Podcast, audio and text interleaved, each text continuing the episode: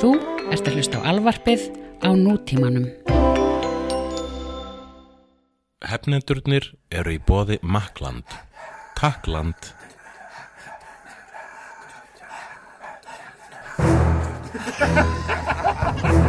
Harður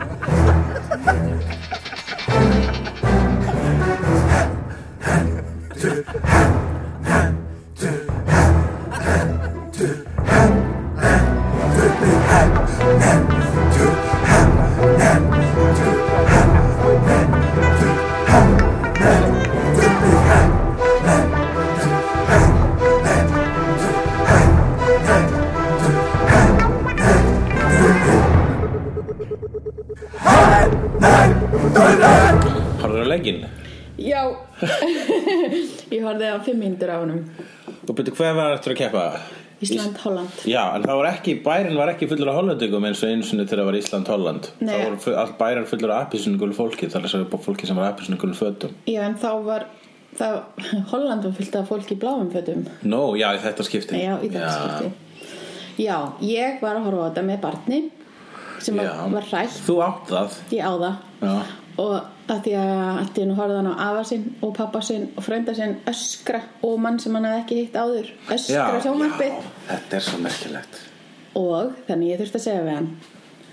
Var hann hrættur eða þú veist, var það bara svona "Hå, Akkur allir æstir? Já, ég held að hann var hrættur en hann allavega, ég þurfti að útskýra fyrir honum. Þannig ég, ég get útskýrt fótbolta fyrir þér að þú vilt. Já, eins og þú setja útskrifa fyrir barni. Við höldum með bláa og ekki með appisungula Þær voru bláir núna, hollendingunir nei það var appisungulir þeir eru hvítir. Hvítir? Nei, eh, ég man það ekki, þeir voru einhvern veginn litin. Segjum appisungulir og eh, ég sagði hann hérna, en þeir eru ekki vondir, svona er ekki hrættur Já, já, já, og svo var ekki að vera með útlendinga Akkurat. Og uh, svo sagði ég að þeir þurftu að ná hérna kúlunni í, í nettið þarna megin og hinn er hinn megin. Og svo sagði við hann og núna má öskra sjónvarpið. Og þá var hann áhuga samur Já, já, já, já, og, já þannig, og hann öskraði kannski líka smá hann svo öskra alltaf þegar ég var marka eftir að öskra hann. Þeir eru að knúsast! Þeir eru að knúsast! Að það að gera. Já.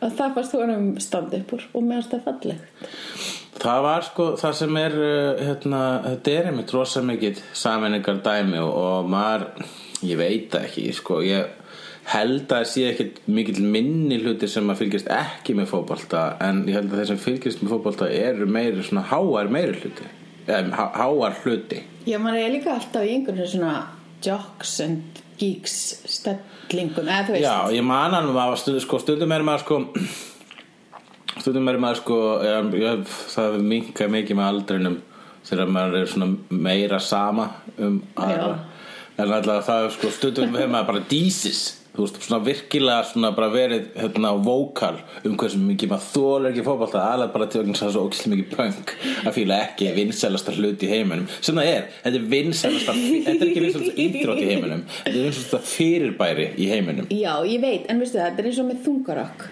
og svona satanisma. Af því að satanistar eru einhvern veginn svo miklu trúaðri og astnalegri heldur en fólk sem er það ekki. Af því þeir eru eitthvað bara "Ö, djöfullin er þannig bla bla bla og þá eru að gera eitthvað meira úr kristni finnst mér Já, heldur já, en já, bara við svona an, meira, það eru meira svona vantrú, svona and uh, svona bara hérna, hvað getur maður sagt, militant uh, trúleysingir Já, að sko satanistar sjálfur, actual satanistar það eru bara einhver lúðar sem eru svona með einhver að geita hausa í undarlegum brúðkaupum. Já. alveg satanistar eru mestu lúður í heimi og mjög svona gull, bara svona erum meinleysasta liði heimi sem bara, bara satan bara vill að við séum öll frjáls. Og drekka, við drekkum bara. Drekkum bara smá rauðvín hérna og við, við erum líka með hindberjasafa. Og hérna, þú veist það satanistar, það er svona þeir eru bara svona on par við þeir larpara og furries. Já, veist, ég skil gott við. Já, en, en, síðan eru sko þessi sem eru sko bara, hérna, hvað getur maður sagt sem að lifa lífinu eins og slegir texti. Sem er bara fucking guð, þú ert ekki til guð guð, ég hata þig. Og bara djöld hatar eitthvað sem þú trúir ekki á. Já, ég veit það. Þetta er ótrúlega skrýti Ég var nefnilega, ég fór á svona black metal tónleika í Texas einu sinni og var að horfa eitthvað fullt að liði í svörtu sýttunarbólum eitthvað, svona hoppa á hvort annað í ring og Já. svo föðumust allt svona eftir eitthvað svona allt í góðu eitthvað svona ógæslega skrýðir stemming. Og ég var eitthvað svona wow, þetta eitthvað að því að ég kem úr svona I don't care about anything svona grönd indie úrvangs og finnst það svona glata að vera ekki bara skýtsam um allt og það er svona blundar ennþá svona ósla astnalegur unglingur í köflötu skirtu inn í mér sem er bara ekki eh, rosalega allir æstir. Og sá, unglingur hérna horfði á þess að hljómsveit og ég var að spila á þess að sama hátíð og svo var ég að fylgjast með þeim í hljómsveitinni og þau voru allir með korpspeint og þau voru allir með svona skipti miðju alveg svona ógeðslega bara alveg fullkom sim, fullkomið og ég var bara þegar ég var áðan þá sáttu þeir við speil með svona greiðu með prjóni og voru eitthvað að skipta hárinu. Já, og svona gera það við hvern annan til þess að ná þú veist, og mála sig ógislega lengi. Nota eitthvað svona hallamæli sko. og eittu meiri tími í það heldur en ég. Já, og hérna hvílegt við sem að ná fullkom með skiptingu í hárinu. Og ég gati einhvern veginn ekki komist út í þessu og að horfa á eitthvað svona eitthvað svona, eitthvað lið, eitthvað svona þjöstnast með plömmir, eitthvað svona einhverju, einhverju svona, hvað heitir þetta, mospit Já, ég, fyrst, ég var á eistnaflugi núna eins og þú líka. Og hérna þá var mitt, þá sá ég stundum mospitið fara í gang sko. Svakalegt svona ég myndi bara hoppa á kannan violently fyrir svona þá sem að við myndi ekki vita betur myndi bara halda að það væri að koma slags, að slagsmál í gang sko. Heita. en síðan ef ykkur dettur þá stoppar einn og bara hjálpar honum að Já, ég veit það er sko minni líkur að vera barinn og nauðgað á þessari hátíð heldur en úrst eigum það er sko bara ef við meðum frá saman með, við berum saman sögur bara eistnaflugs og eiga þá er bara þá er það null á móti miljón sko. það, er, það er ekki búið að gerast í eistnaflugi en það er bara þú veist er hlutvarslega þá er sko hérna þá, þá er eigjar 100% meiri nöðgunar hátíð Ég heldur veit eistnaflug það, er úrslega skríti Þú veist, það er svona eins og kannski er þetta bara eitthvað svona allir búin að fara í klippingu og senda sér rakspýra og bara eitthvað svona fá eitthvað útrás. Þú veist, þið hefði bara að vera með sítt skíti þá að bara- hlaupa og, og íta vinum sínum. Sko ég forðast að að segja ég, þú veist, ég er svona hérna, þú líka þegar fólk talar um að, að, að þú veist, að bíómyndir og, og, að önnur menning valdi ofbeldi eða stuðli að einhverju. However þá sko er, þá er hægt örglega að segja að það hlýtur að vera einhver þáttur í því og við rættum þetta í hefnundum aðra Einmitt, ef þú ert að hlusta á tónlist það sem er vera að öskra um, þú veist, það sem er bara að vera, sko, textarnir eru um það að baða sig í blóði hinna saklausu og að slátra, þú veist, uh, slátra börnum og ég veit ekki hverju. Og hérna, þá þegar þú ert búin að vera, sko, fyrsta lagi þá heyrir enginn þessu texta. En, en þeir sem mæta er líklega, líklega kunna þá, sko, eru búin að lesa það í gesludiska höstrinu og Ég veit hvað það er að segja. Satan is here, Satan is God Satan is your friend. Satan is very nice, I met him once. He offered me hindberða juice. Og hérna ég er út að hlusta svoleiðis þá ertu bara svona, og ert bara að dansa og hlusta þetta öskur þá ertu bara svona, það er svona svolítið eins og að fara í gufubað og bara svona smá hreinsandi sko. Já. en ef þú ert að hlusta "Ah, Kanti ekki hérna, elska mín Kanti með á ball kannski langaði bara til að nauðga eftir það, kannski breytist bara í slæmum manneski Í tjaldið hjá mér Eitthvað svona. Ég er ekki að segja að listaverk valdi ábyldisverkum en ef á að gera það þá er það helst sveitarbarnatónlistin það er það sem ég er að segja. Ég skil hvað átt við. Já, ég held að sé ef að það er bara svona crappy ass tónlist sem að er einhvern veginn Ef við erum með stimpil. hvorki hér niður þar og um eitthvað bla eitthvað bla á balli þá, þá verð, verður þú versnar í sálinu og hlusta á svona innantóm drasl sko. ég meina ef maður kemur út af lélæri bíómynd þá verður maður reyður Já maður kemur út af eitthvað sko lélæri ég man ekki, ég ætla bara svona já, ég man eins og ég sá mynd þarna í bíó Prairie House Companion Svo ég minnist nú aftur á hana. Segjum bara Prairie House Companion eða hugsalega myndin Hanging Up með Meg Ryan, uh, Phoebe úr Friends ef maður rétt og Diane Keaton þar sem þær eru allar að setja uh, Alzheimer vegan pappa sína elli heimili er Ég get ekki tala illa með Ryan. Ég byrði afsaka. Hefur ekki séð Parkinson viðtalið við hana Erum við Parkinson? nei, Parkinson maðurinn sem tekur við og tók viðtal við fólk í hérna Nei, ekki segja. það er til Notorious viðtal. Þetta, hann var svona pínu, já, hann var svona virtasti spjallátagaurinn í Breitlandi og komið til hans alltaf gestir fyrst einn, svo annars og þriðji. Já. og, og lo- lokum sátu þrýr á móturum sko. Og hann tók alltaf smá eintal sko það var mjög flott þáttur sem Robert Williams og Stephen Fry komu sko var Robert Williams bara svona á algjöru hægi og var bara að grípa fræm í endurest og lokum sagði Stephen Fry þú varst einu sinni með kokain fík hvernig varstu þá? Bara, þá var ég bara eins og Tasmanian Devil. Alveg, einhvern tíma kom Meg Ryan í þetta viðtal. Og hún var nýbúin að fara í eitthvað svona botox. Æ, með og hún var líka bara eitthvað neginn ekki hún var bara í vondu skapi eitthvað, þetta var Botox, vandrarlegasta sko. viðtal sem ég séð vegna þess að endar á því að, hérna, að hann er að reyna að fá eitthvað upp úr henni og hún bara svona svara alltaf uh, já. Ó, það er erfitt. Uh, Botox er svona Damned if you do kannski vildur damned ekki you munnin já, kannski vildur ekki hreyfa munnin og mikið. Það geti það verið. Botox er eitur vissur það já, ég veit að þú sprautar eitri í og lamar að þeir eitthvað svona veðlufa já, mennst það ekki fallið Mér finnst þetta svo leðilegt Slíta aðgerir að- Nei, mjög sjaldan þú veist, virkar nema að sé bara læknir ekki vera, ekki vera gömul og ljót en ó, djöld, ertu mikið ekki að reyna að vera gömul og ljót? Þú veist, of mikið að reyna að vera ekki gömul og ljót. Ef ég myndi fá mér ósla sæta konu ha, þá verandi strákur og, og hluta til uh, hérna, heila þeirna feðraveldina þá myndi ég vera með svona mountain svona public í að, hún var að ætti sæta konu. En ef hún fari síðan að, sko, að halda sér sætri með botox og lítaðgerum og við förum að mæta 50 í eitthvað svona matabóð og hún eitthvað svona hérna, líta, líta skemmt. Þá myndi ég bara allir skammast mig fyrir hann og bara líða á svona oh, dammit, akkur Já, þetta er þess að ég myndi mæta með einhvern hairplugs gaur sem væri bara eitthvað like me oh, Þetta er mjög mikið slippery slope. Eða tala um Clarence? Já, herru, nei, það er, Það er við, við erum að byggja með það. Við Ok. ætlum fyrst að segja, við erum hefnundur Við erum, uh, ég er Er ég hefnandi? Ævormann er fjari góðu gamni. Í dag Hann þurfti að fara eitthvað um helgina. Uh, annark, ég, ég, ég veit ekki alveg hvert það fór. Eitt. Ég svo mynda Instagram af sætri stelp við Lignan fjörð á Instagram hans æfast Já, það hefur ekki þá verið konun hans. Jú, nörgulega hafa kósi Hann er bara að hafa kósi með Cairo. Held það. Stundi verið Ævo að hafa kósi með Cairo. Kæfó Já. Fyrir mig náðu það. En hérna já, það, það er gott að blessa En hann kemst ekki heim fyrir en sent í kvöld Og þess vegna höfum við ekki tíma til að tala Og gera taka upp þátt. Þess vegna fekk ég þig, Lobo Já, Í þáttinn Og uh, hérna er Lóa Lín Hjóndisdóttir Það er ég. Og við ætlum að byrja á hvað er að gerast. Hvað er að gerast? Heyrðu, ok, eitt. Það er eitthvað sem sagði á Twitter. Þa, Ok, það er að gerast. Það var að gerast.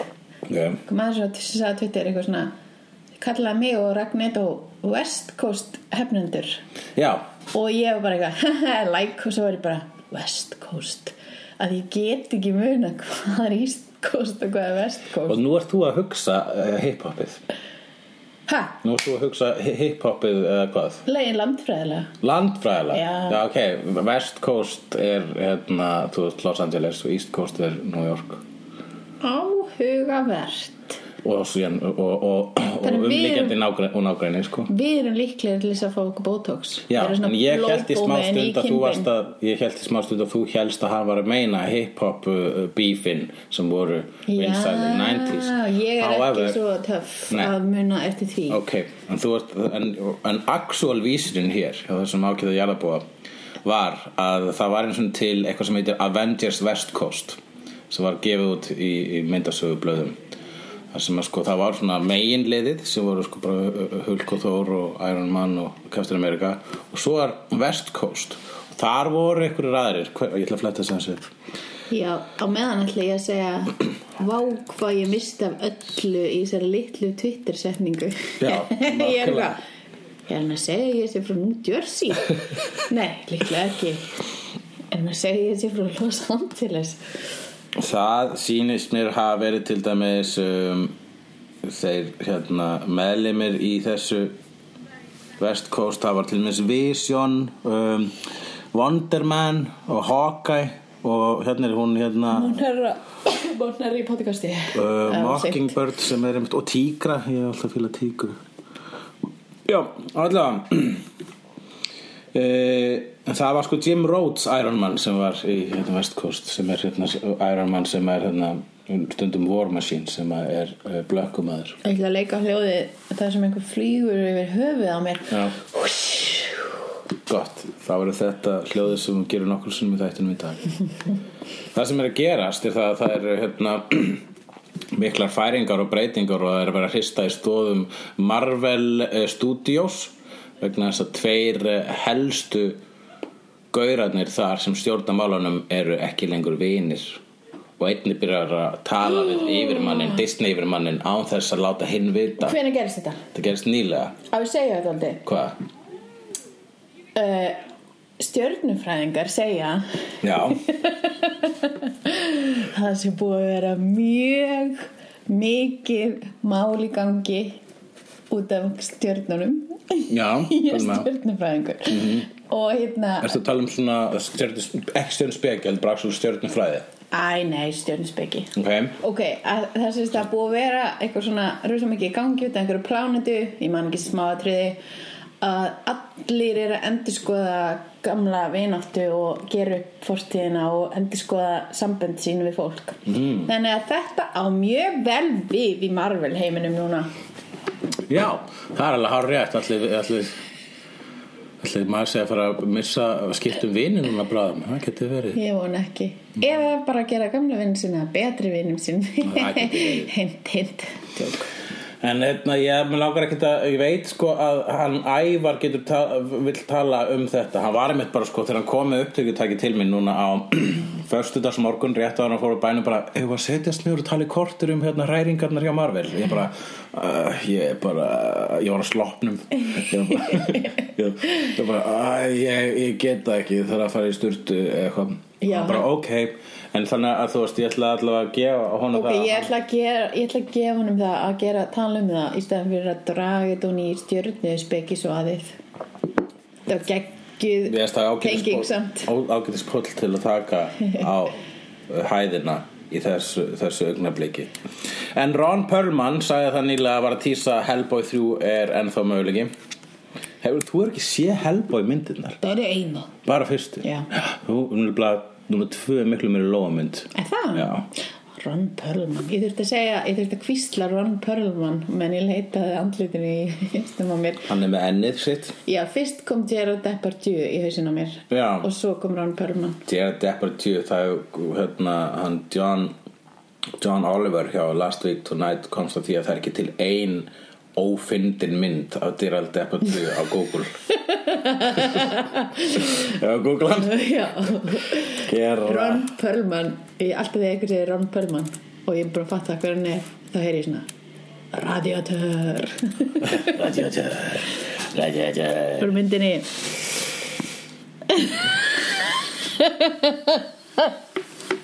Ég var að googla images sem sé Gerard Depardieu ef einhver, ef einhver segir einhver tímann að ég sé líka Gerard Depardieu Svo það er saman þá ætla ég að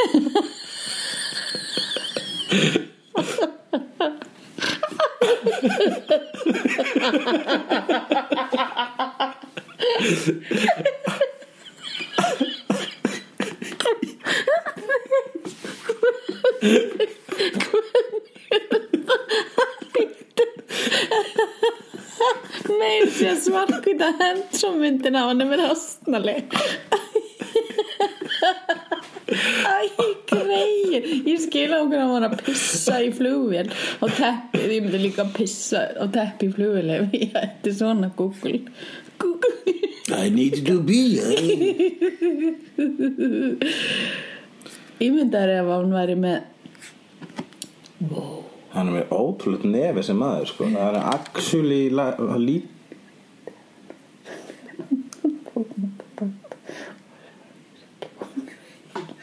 Hva, Hvað ertu að segja?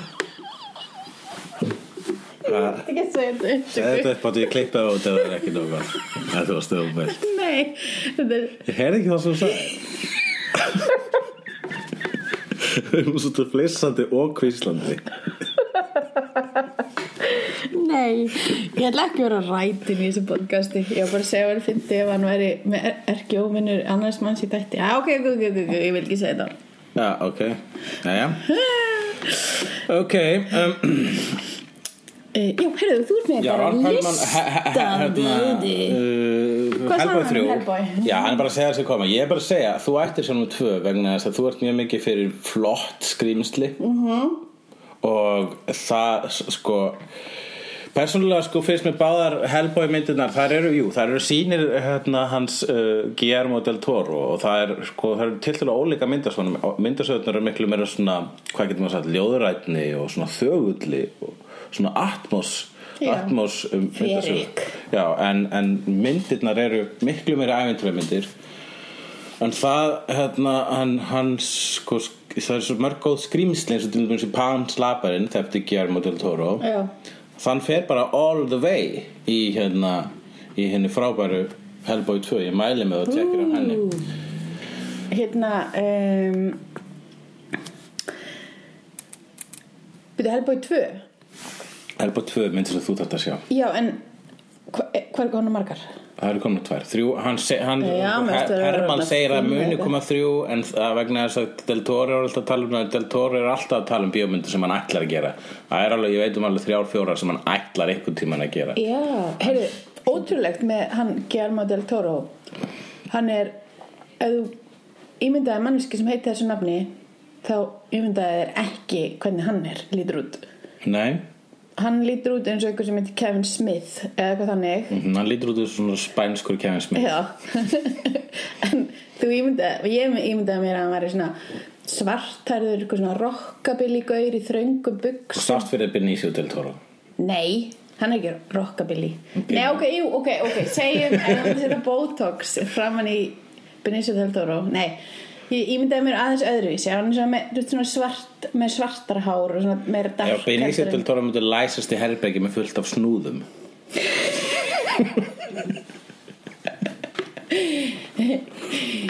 Já, þannig. Akkurat. Uh, Hulk verður ekki með í Civil War. Hmm.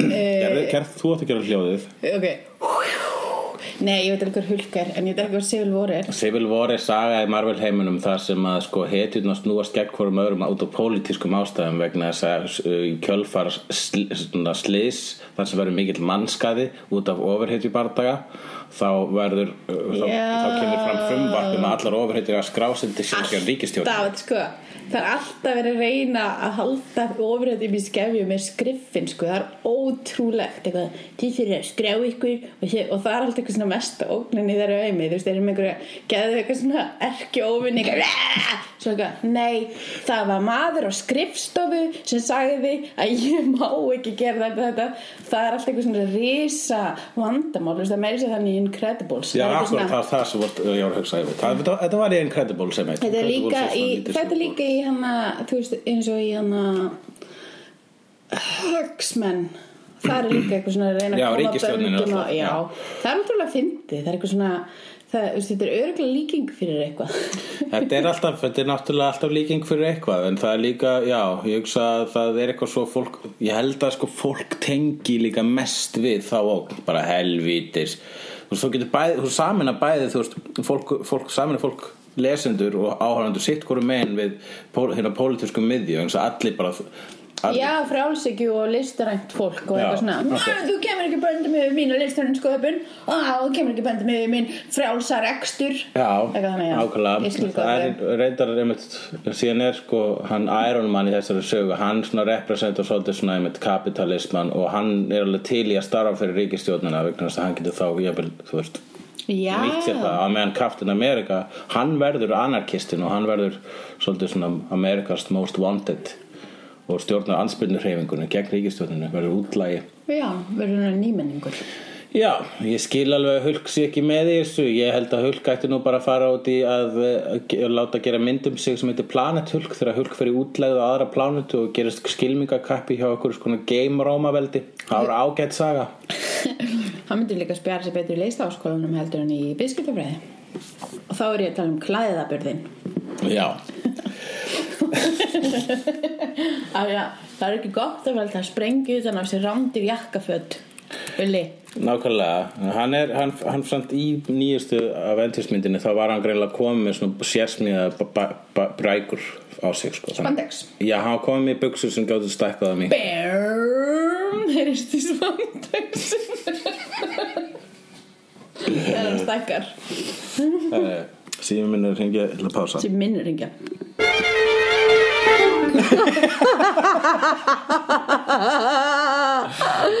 Allavega Ég fekk eh, hérna uh, skilabóð frá Jarabóa sem hefur líka sem er líka alvarpari og þá er hún, hún dröpp okkar. Nei, Rosas Pantolies Já, Örn del Rosa Rosas Campo Jolies einnig þekkt sem dröfningin í La La Land einnig þekkt sem Didi Unit. Didi stendur fyrir Daredevil uh, Hún var að senda mér tilkynningu um að það er komið búið að opna gym fyrir nörda í Los Angeles Nú ætlum ég að lesa þessa tilkynningu vegna þess að hún er, ens, uh, vegna að hún er mjög stutt en hún er á ennsku Are you ready to get nerd strong? A new gym opens in LA is the- a new gym open in LA is catering specifically to those of us in the geek communities. It is called Nerd Strong and it thinks it's time for you to stop being the scruffy looking nerf herder. Þú fattar þannan. ger ég það eða hvað já, ég geti það Many of the workouts are built around fantasy, sci-fi and superhero adventures and as a way of making exercising more fun. You may be kicking down dungeon doors, raiding temples, joining the Avengers, fighting zombies or even taking on Game of Thrones The Mountain in combat. Whoa. My favorite though is battling coyly alongside Qbert. That is a fairly obscure idea for a workout routine although I imagine that jumping would be good exercise vegna þess að það er svo Qbert tölvuleikur sem að hoppa niður svona tröppur einmitt, og gera svona hérna mann eftir húnum If you are in uh, If you are in LA area are ready to level up your body you can join a small group of class bla bla bla bla bla bla bla bla bla kostar svona mikið til þetta Þetta er ágætt, mér finnst nefnilega að leikfimi mættu vera skemmtilegri. Því þá myndi ég það. stunda hana. Að sé hvernig leikumisal ég myndi vilja fá? Cartoon Network leikumisal Adventure Time. Adventure Time. Það væri ógeðslega gaman. En er ekki að larpa Er það ekki bara, þú veist Við getum larpað Adventure Time. Já, en það er eins og minnurinn að fara í tífuli og þú veist, ímyndað tífuli sem þú bjóst til út í garði hjá þér. A Amusement park inside our minds? Ég fóð, ég bjóð eins Wait, wait, what are you talking about? I think we can do it right here With our imagination. Oh, oh, I get what you're saying. So, the sofa could be a roller coaster Inside our minds? Ok, ég er að vísa í mjög skemmtilegan gaman þátt sem heitir Stella sem er með uh, Michael Showalter, uh, Michael Ian Black og David Wayne félagunum æðisli þátturöð sem endist í eina þátturöð vegna þess að það gera góða þátturöð Forsagan fyrir myndina How Stella Got Her Groove Back Þetta var sérst þegar hún var með Nei, Já, jók akkurat, þetta er það. Þetta er það. En já, ok, ég ætla að segja einu litlu sögu. Ég bjóð eins og til skemmtigarð út í garðin hjá ömmu minni mm. og þar var þvottasnúra sem er eftir snúra svona í ring Já, og við reyndum að hangi henni. Og síðan byggum við til draugahús og fundum einhvern ótrúlega dúbjus einhvern svona drullu hérna haug sem við mögum svona í andlita okkur í tvær frængu minnar -hmm. og, og það var svona endirinn á tífalíuna því það var svona ógeðsla vandlíkt að því og við allt í um þetta okkur í hugið að gæti mögulega verið dýrakúkur mm. í blöndinni já, það er bara fræðilega mögulega þannig að við flúðum inn Það er dýrakúkur í Snickers. Það er ásættilegt magn og rottu skýt í, í, í Snickers og mjög mörgum svona fjölda framleitu vörum. Svo rottur eru út um allt. Ég sá rottu bara um daginn hérna á, á að það? Hún reyndar svona lítil úlingarottu held ég. Svona sætt. Skreið inn í, já ég ætla ekki að segja ég veit ekki hvað stæðin Alltaf veitingastað Da, da, da, da. Er þetta um veitingastaðin sem er búið að er ræða inn í hólur rétt, Seinfeld. rétt, hjá veitingastæðum Fólki sem er inn í Seinfeld hérna uh, grúppin á Facebook veitur og glæð hvað veitingastaðar þetta er. Já, ég er uh, meist af því. Ég held að ég sé ekki í Seinfeld grúppinu. Ég er í Simpsons grúppinu, ég er í Not that there's anything wrong with that. Nei, ég er ekki henni. Ég held ég að hætti henni að því að fór að eða miklu tími í það og googla allt og skoða Já, já. Simpsons, Ian Springfield er frábær grúpa Já, ég hætti líka í henni. Já, vegna þess að það var bara of gaman. Ég bara, já, ég get ekki ég eða ómiklu tími í, í, í svona. Í Facebook er, er að stela frá mér e, þú veist maður, sko, þegar maður talar um að eitthvað, þú veist, að maður hefur ekki eitt nógu miklu tíma í að leika sér í æskunni þá er nú þegar ég var gamall að sé fyrir mér ég meina að horfa aftur til, þú veist miðsaldurs eða hvað sem ég er núna. Og hugsa, ég var alltaf bara Facebook. Já, ég veit að við erum að hætta þessu. Já, verðum að Índa, hvað, sko, ég tók verðum bara að hætta þessu Ég gerði myndasög, heila myndasög á dag í staðan fyrir að vera í Facebook höldin í mánuð í fyrra. Já, og allt í hennu, meiri mánuð allt í hennu er ég komin næst til 60 myndasögur að því ég, bara því ég satt ekki eitthvað hefða, var bara snakk ekki samkvæmt reglugi eða eitthvað svona leið all, all, mjög fáir eru skemmtilegir á Facebook Já. heldur en í veruleikanum. Flestir eru leiðilegri, það er meðal ég örgla og þú sérstaklega. Ég sérstaklega. En hérna ég, en það er e- þekki ég svona eina eða tvo sem eru actually Já, skemmtilegir ég veit það, þessi skrítið þessi ógæslega skrítið maður er eitthvað, vei, þannig er þessi skemmtileg hvað er hann að segja? Djöðlega með skrítna nærveru. Hvað farðu farðu aftur inn í internetið? Þar blómstrar Já, þetta er, er ótrúlega skrítið Þetta komið svo óvert í fyrst skipt sem ég lendi í því og var bara eitthvað What? Ertu, þú veist, færði einhvern annan að réðstu outsourcaður Facebookinu þínu? Herrum, ákvært að glapa ah. Á hvað ertu að glápa? á ég, ok, ég ætla að nefna þrjá bíómyndir sín svo nýlega. Fyrst er að kóreiska myndin The Yellow Sea. Eh, Racist. hún heitir það sem sagt á hérna, uh, nei, það er hafið sem er þarna á þessum það er haf hjá Kóreu sem heitir Gula hafið. Ég var að grínast og þetta fjallar um einhverja sko hérna, ég ætla bara að ná í diskin Náðu í diskin fyrir mig. Ég hef ekki hort að kóriska mynd. Frá því að þú síndi mér hann að Tale of Two Sisters og ég bara eitthvað Er allir kóriska myndir svona ég aldrei ára kóriska mynd ég trú ekki að mér tekist að láta þig horfa á Jú, við tókst það. Það var svipum tíma ást að reyna að fá mig til að lappi gegnum kirkjugar eða nætulegi með vídeokameru. Já, og þú gerði það ekki Nei. Nei, þú verður að vera ein með vídeokamera af næturlægi það hefur hefur verið bara Þú bauðst mér líka bara eitthvað. tíu sem er entertainment heldur en Blair Witch Project Þú bauðst mér bara eitthvað fimm úr kall. Ó,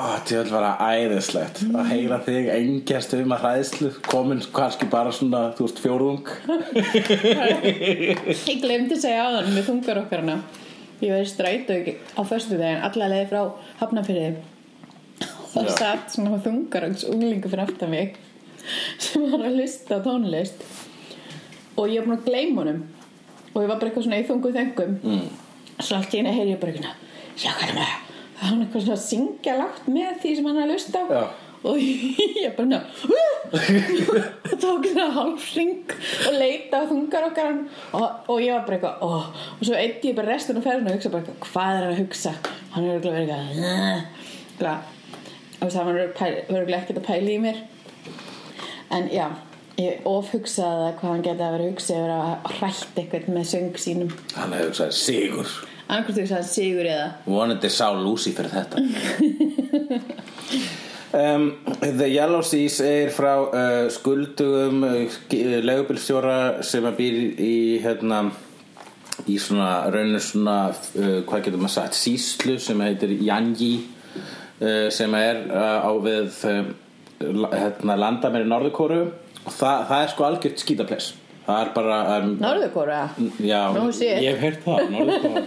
Nei, þetta, þessi sísla sem er við landamæri Norðurkóru er rauninni sko frjálst ríki en það er bara ekki gott að búa þar, mikið að glæpa klíkum. Þannig að hann sko, og konan þessi flutt til Suðurkóru sko, til þess að eignast meiri pening nema hann hefur ekki heyrt frá henni. Þannig að hann ákveður sko hann er, og, og hann er vissum að hún hafi sko svikið sig. Já, og hann síðan fær díl til þess að sem kemur nálgast glæpamaður hann og segir heyri, ég get rettaði að fara til Suðurkóru ef þú drepur eitt gaur fyrir mig. Þannig að hann fyrir til Suðurkóru til þess að drepa gaur hefur aldrei lamið neitt, aldrei drepið neitt á æfni, hann er lamið og glekkuna hann er bara svona algjör aumingi rauninni sem maður. Já. En síðan kemur bara mesta ge geðvett aksjón eftir það. Þetta er bara flott, með flottari aksjón og spennumynd sem ég sé. Það sem er aðtiklisætt við þessa mynd er að það er sko, hún er full af það er alveg tvær, þrjár glæpaklíkur í hennu og löggur og allir elda allavega mjög mikið hlaupið. En það er enginn með byssur. Það er enga byssur þarna. Já, Þetta er bara, veist, enga pening. Já, já, og eða bara eiga ekki bara það, þannig að allir er bara hnífaða exir. Og bara fólk er að ráðast á hvort það er með exi og hnífa. En skemmtilegt. Það er fyrstulega það er einhvern veginn göfugra vegna þess að það er svona persónulegra og þú ert ekki eins og byssur er basically drápsfjárstýringar Það er eru vopn heigulsins Vopn heigulsins og það er líka rosa bandarist vopn vegna þess að það er eiginlega svona vopn sofakartaflutnar vegna þess að bara með fjárstýringu ég þurfti ekki eins og stand up to the baby USA Það stendur líka Mm. Contains strong bloody violence Mm. and sex. Já, það er smá kynlíf í þessari mynd, það er alltaf pluss vegna þess að í sumum asísku myndum í ákveðnum me svona mengja asísku myndum þá er ekkert kynlíf. En það er vegna þess að sumir framleiðendur eru já, meira svona ríkisregnun en aðrir og það má ekki hafa kynlíf samkvæmt ákveðnum síðarreglum við horfum á Bollywood eða, eða, eða Tollywood myndir þá, konst, þá tekur, tekur eftir því að það er rosa mikil ástur í það og þetta er allt svona sterkar ástusögur en það er aldrei einu svona kist í myndunum. Já, ég skil. Þetta er bara að dansa sko rosa eggjandi bara, svo lengi sem þið kissast ekki Samt áhugaverður heldur að horfa eitthvað Meg Ryan í sleik fyrirgefðu Meg. Síðan sá ég hérna, bestu romantísku gafamenn sem ég hef séð. Bara ég held að það sé besta romantísku gafamenn sem ég séð. Það var nú djúft í árinu tekið og og, og, og, og þetta eru stór orð vegna þess að það eru margar góðar eins og til dæmis Just Friends eða When Harry Met Sally eða Forgetting Sarah Marshall. Þetta er allt romantísku gafmyndir sem ég er mikið dálitið á fucking ómál. Og en they came together eftir fyrirnefndan David Wayne sem var í Stella þáttunum og var þar á undan í leikhópnum The State sem var uh, sketsa þáttur á MTV Sætla minninga! Sætla minninga. I wanna dip my balls in it. Og Soft like a baby hands. I'm Doug I'm out of here because fluffy soft og hérna Michael Ian Black notaði eins og lag með hljómsveitinu minni í sinn. Já, var ekki podcastur sem var með á Nerdist þar sem hann og Ed úr Ed Jú. er að borða snakk Jú, Jú, það er nú almennlegt sko. þetta er þetta er besta moment lífsmýns Michael Ian Black leikur einmitt í þessari mynd. Þessi mynd to, uh, They Came Together er bara basically grín af hérna, hún er svona Ég sé hana. Já, Þú ert að segja einhverjum öðrum þetta Já, ég skil ég, ok. ég, já, ég, segja, ég segja mikrofónunum með Já, já, já. Þú er að segja mér þetta og uh, þetta er bara veist, hann, hann, hann er eiginlega orðin upp á skamanleikstjórin minn einn af þeim vegna þess að mér finnst uh, síðri myndina sem er svo góðar þú veist, Wanderlust er fr- frábær mynd fannst og, um, og, og Role Models er aðeinslega en síðan sko þegar en síðan er, það er svona myndina sem er eiginlega meira mainstream. Hann fer síðan sí- í sínar einleiðir í myndum eins og Wet Hot American Summer og The Ten sem er bara mjög hötuð mynd og sem tekur, hérna eru tíu stuttar sögur af bó, um bóðorðin svona hans dekalóg í rauninni sko. Og svo Hans dekalóg? já. Hann, það er ekki ekki hans dekalóg? Og af dekalóg ættinni það er ekki hans? Hvað sagður þau? Hvað sagður þau eiginlega? dekalóg Þú sagður eitthvað annað. Uh, ég sagði dekalóg Hvað þýðir það? uh, það er Byrðu, ég ætla að giska á það. Hmm, orðsögjafræði, hluti minn ætlar að ráða þessa gátu.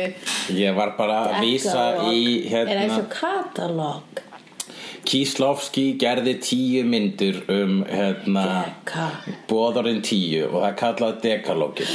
Að því deka er eitthvað svona stærðfræði já, þetta er, latneskar orð Kíló eftir deka it. Got it. Og sem sagt dekalókin hans David Wayne er mynd sem heitir The Ten sem að segja frá líka bóðranum tíu nema bara með miklu mútusnum og aulahúmor og svona Þannig dekalog þýðir eitthvað í tíu version of ten það er eitthvað sem við gerum með tíu já, Ég ætla að nota þetta orð svo mikið næstu daga. Ég ætla að throw it around. Þú veist það er orð yfir það að heyra orð aftur og aftur svo snýpun að læra. Já, og hvað er það? ég man það ekki. Það er auðvitað Repetilia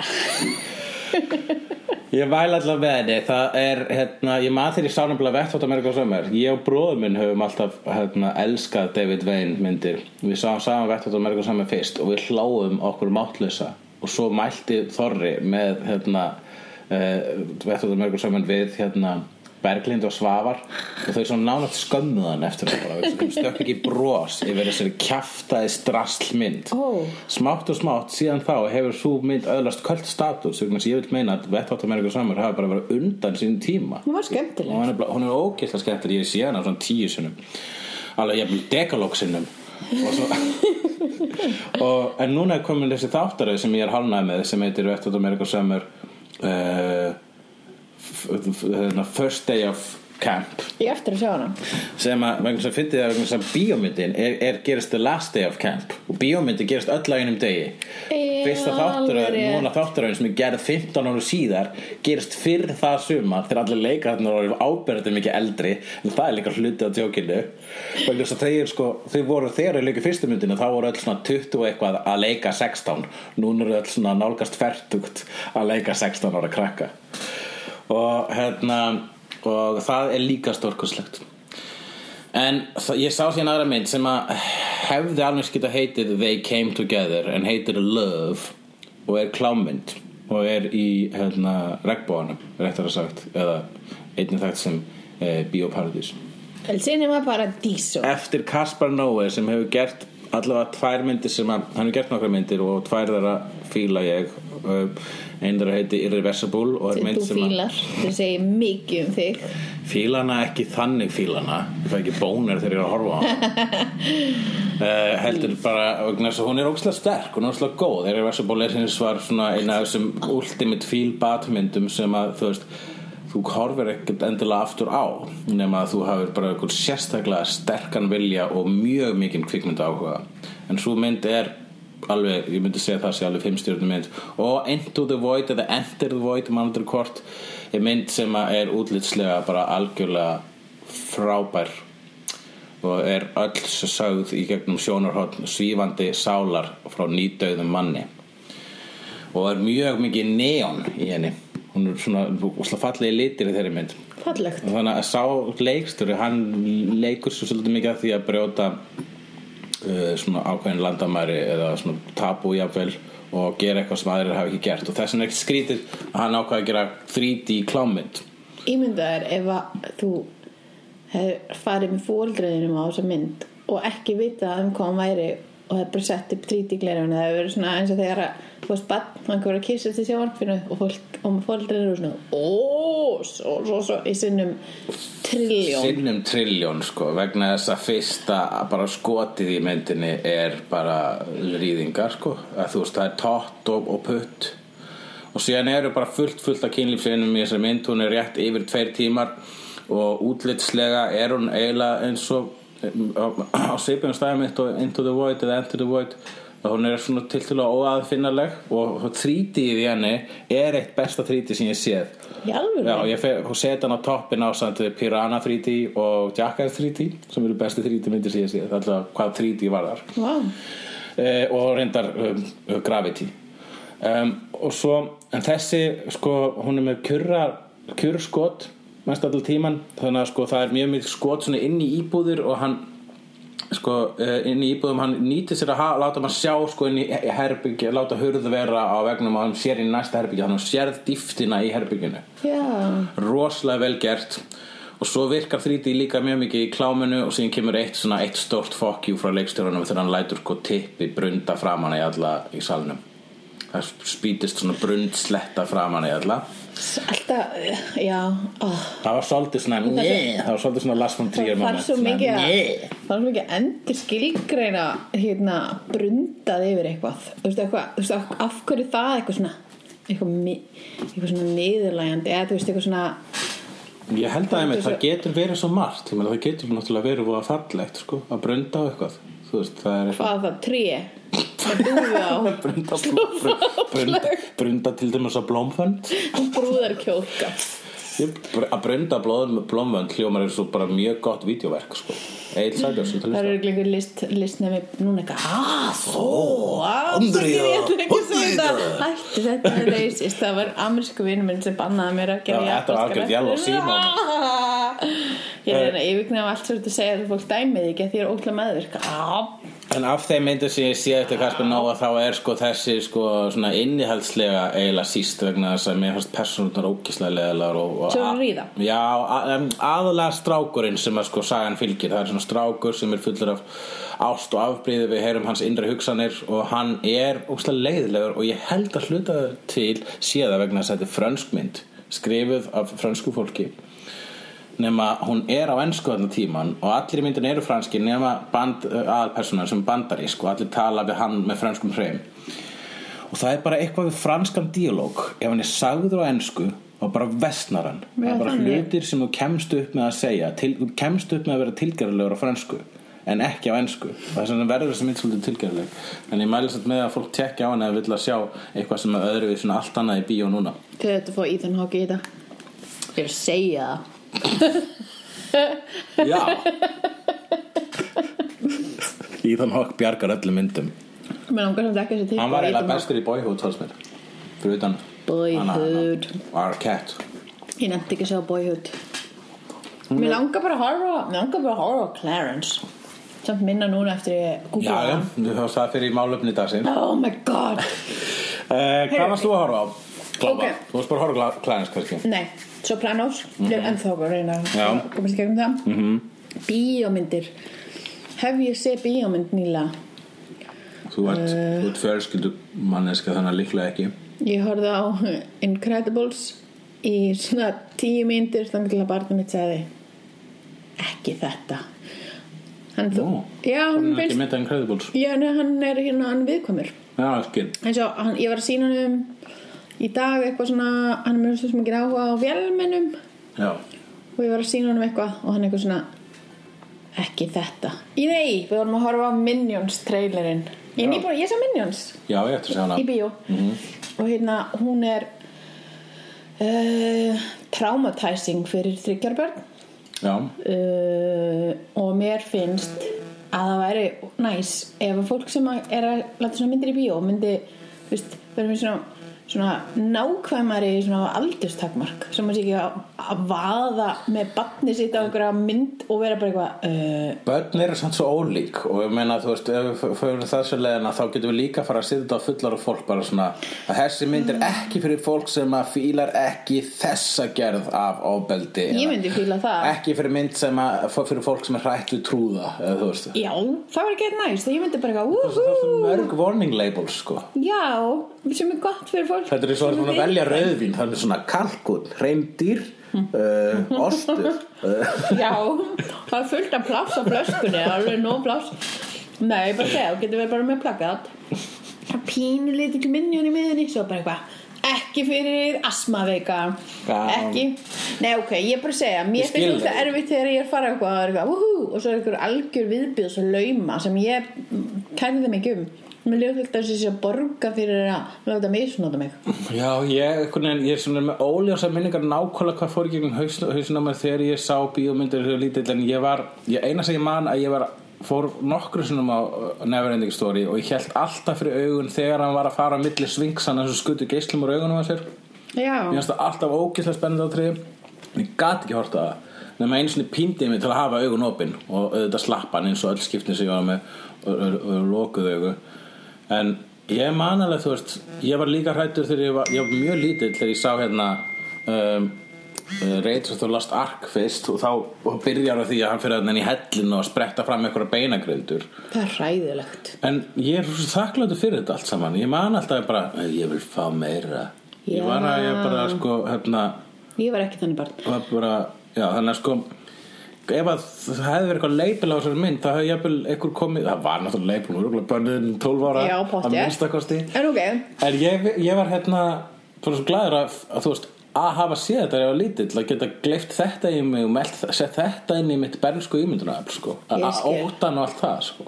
ég skil. Ok, þetta er alveg vingil. Ég er það er nefnilega ekki gaman að börn eru hrætt en ég held að sé ekki heldur hræðilegt að þau séu hrætt Nei, en við vorum búin að sjá Minions Svo vorum við bara að horfa á trailerinn Mm. Og það bara uh, Hann er bara, ekki þetta. Hor Og þú veist, horfði hann ég bara Eigum við að horfa frekar á eitthvað krútílegt og mikið með mér. En hann en hann segir allavega ekki þetta og þá veist þú, ok, stoppa. Já, er þannig að hann er allir svona in control svolítið, sko. Já, shit, en það bara mann liður eitthvað Ég byrja að stressa í þetta þessi blábyrði hérna. Ok, um, Það var einmitt það sem ég gerði fór á ET Þá var ég bara eitthvað Best að horfa bara á frút Frúthallað mitt Og mentósið mitt Og með svona klístrar, þvalar, hendur fullar Einhverju nammi sem ég bara að horfa Því að mér leiði svo illa í bíónu En er ekki það sem þú er, ert að upplifa er bara sko miklar tilfinningar. Veist, þetta er ekki endilega bara ótti og skeri. Þú ert bara, þú veist, kannski ET og það er bara svo vel sögð saga og nær svo til barna að þú ert bara þú ert bara viðkvæm, sko. Ég er mjög viðkvæm. Sálfræðingurum ég segir það. Hún sagði Ímyndaðir mannesku sem er ekki með húð. Já, Og ég er alveg ég veit um minn svo þú þarft að sjá. Nei. Ég gæti ekki svona ást á Treehouse of Horror þættir að þegar að ég var úlingur Ok. Uh, Mér lágar svo að láta þið horfa á hryllismyndir fleiri. Ég hef látið að horfa á nokkrar Mér langar ekki að horfa fleiri hryllingsmyndir Síðasta japanska mynd sem ég sá var Ringu Svo sást aldrei, þú sást Audition náttúrulega Já, en það var öðruvísi Hvernig er það öðruvísi? Tortur, torturporn öðru, Kallin í pókanum var, var, varstu, Fylltust ekki skelfingu í því? Nei. Í því atriði Ok Á hvað ertu að hlusta? Kiri, kiri, kiri, kiri, kiri uh, Ég er að hlusta á Hvað sagði ég að vera að horfa á? Minions, það er umulegt Það skiptir ykkur máli, við erum Ok, bara að vera ok. skemmtileg Já, já, já. eh, Um, Það sem, það sem ákvært að hlusta Það er sko þáttur sem þú bjóst til Þegar þú varst hérna með Ragnætt á Þá komst þú með, heyrðu, ákvært að hlusta Eins og það var eitthvað sem við varum með. Við höfum aldrei verið með ákvært að hlusta. Það hefur aldrei verið neitt section sem heitir ákvært að hlusta. Þannig að ég held með þess að þegar við gerum núna uh, jingle fyrir þetta og notum við röddina þína að segja þetta. Á hvað það að hlusta? Já, ok og þú segir mér þess að ákvært að hlusta á hvað? Já, ég skil, ok, á hvað það að hlusta á hvað? Uh, á hvað ég Þetta var orðagrín fyrir Dóra Dina sem elskar orðagrín um, Já Ég er að hlusta á þátt sem þú sagði mér að hlusta á uh, Worst Idea in the World mm. Hvað er komið langt? Ég er bara komið stutt af því að ég er alltaf núna að vinna með texta í vinnunum minni og Já. þá get ég ekki hlustað á Það ég er búin að missa mikið af podcastum sem ég er að, þarf að hugsa í setningum. Og svo er ég að hlusta á svo ég er enda að býða í ofvægin eftir Mystery Show af því að hún er ekki komin nýjan þátt allan ekki síðast þegar ég gáði. Mm. Já, já, eftir mistur sem maður. Það er að að það. Nei, hlusta það að og svo er ég að hlusta á hérna bara ég kefti hérna Nico plötu um daginn.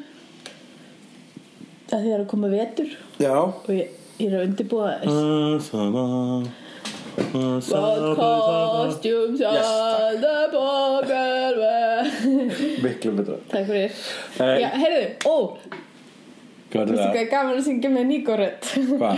Hann að Homer-lagið Þannig að His name is Brian Mickey Já When I was 17 Já. Syng, syng það When I was 17 I drank so very good beer. Já, það, ég kann alveg texta það Ég leik bara pínu kjánulegist mjög stund. I drank so very good beer Mr. Percy with the fact that my name was Brian Mickey I My name was Queen Brian Mickey When I was 17 I stayed up listening to Queen When I was 17 Já, þú varst að klára þetta annars hefði ég tjúlast Það er ekki verðlegt Þetta er eins og þegar Cartman var þegar eitthvað segir I'm sailing away þá er bara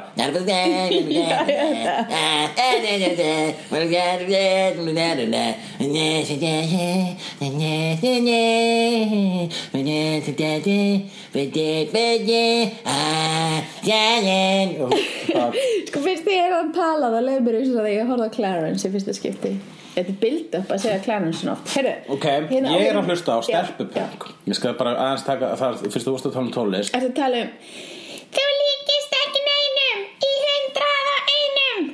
Nei. Ég er að hlusta á playlista sem einhver, einhver 12 einhver, einhver setti saman playlista af a- 319 lögum á netinu sem heitir A Reference of Female Fronted Punk Rock frá 1977 til 89 og ég með mjög góðan lista Mm. af stelpusungnu skil og það er skemmtilegasta, skemmtilegasta sem hættir að setja á sjöfull í tölvunni En skemmtilegt En mér langar til að tala um The Worst Idea in the World podcast sem Yes. er eitt skemmtilegsta podcast í þessa dagana og Og kom að vera the best idea in the world að gera þetta. að þú verður að hitta einhvern skemmtilegan einu sinni viku og pína þig gegnum eitthvað og, og fá einhvern veginn furðulega velun í heilanum að þér. Þannig er bara, þannig er hefnindi fyrir mér. En það er hérna En það er sko Það sem þessir ákveðin eru tveir nýsjálfskir grínistar sem að fengu þá flugu í hausinn að horfa á einhverja random mynd einu sinni viku og gaggreinuna í hver einustu viku. Og hérna alltaf sömu myndina. Og þeir ákveðu að það mætti ekki vera góð mynd náttúrulega. En það mætti heldur ekki vera drullu slæmynd það mætti ekki verið the room. Næ, eða Troll 2 eða Já. mætti ekki vera mynd sem er sko svo slæm að það er, er æðisleg. Heldur mynd sem er Mediocre. bara slæm. Já, bara svona mediocre.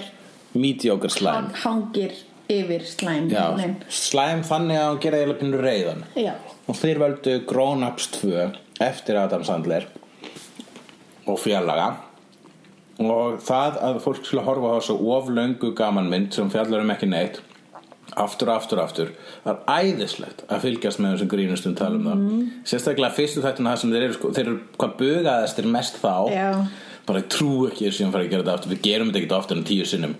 Svo ákveðar mjög fljótt að þeir verða að gera þetta 52 sinnum.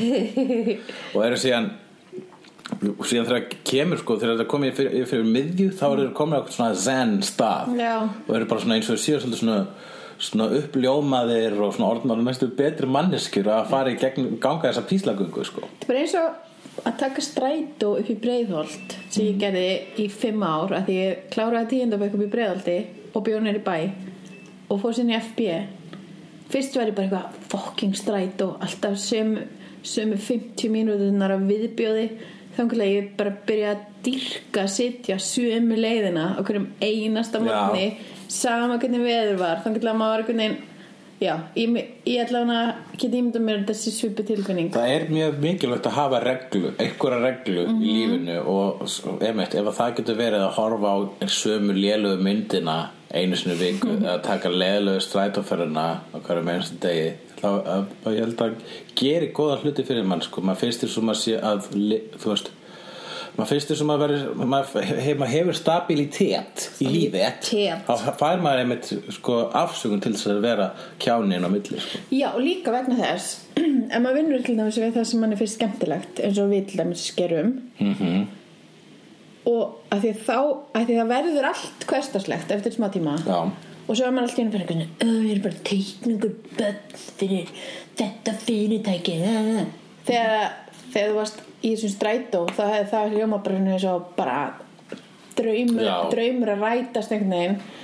Og þá, þá eru þá þarftu einhvern veginn alltaf meira og meira til þess að verða spenntur. Já, að því að áhugamálið þitt sem er eitthvað svona veist, að fara, segjum að þú ætti lestarsett og ný kjallara og svona fullkomin bæ sem þú er búin að byggja upp alltaf í frítímaðinum ef þú fengir bara vinnu við að gera þetta og getur bara pantað inn endalist þurftir ekki svo borga fyrir það og getur byggt bara eitthvað svona Tokyo eða eitthvað lestasett og þurftir sér að reviewa það var bara eitthvað "Ah, mánudagur og ég þarf að fara í vinnuna. Já, ég er alltaf að kvarta yfir þessu. Maður að gera ekki upp átti passi maður að gera sérstaklega ekki kringum Ragnar Hansson þar sem ég bara "Ó, ég hef engan tíma til að gera þetta. Bara, ég á þrjú börn já, fyrir ekki. Ég er hálfviti. Já, þetta er þess að þegar ég sagði Ó, mér svo leiðilt í flugvél. Og það sagði vingur mín Ég er ekki með að fara til útlanda í tvö ár. Og var að fara í svona flugvöllir eru umulegi randið mitt Já, allt sökkar svo leikir sem að vera hluta lífum hans. Ást. Herrum, hún koma auðlýsingar Já,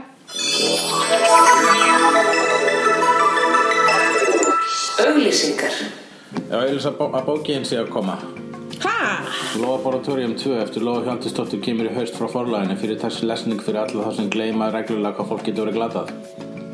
Það er góð Já, það er geðvikt Ok, þá er ég búin að auðvitað bókina þína sem er á leiðinni. Þakka til Það- fyrir. Hún verður bara svona jafn góð og hérna Hún verður bara alveg eins Og hinn fekk aldrei góða gaggrinni Þannig að núna eftir einhvern segja það betri sko. "Eh, Númer tvö.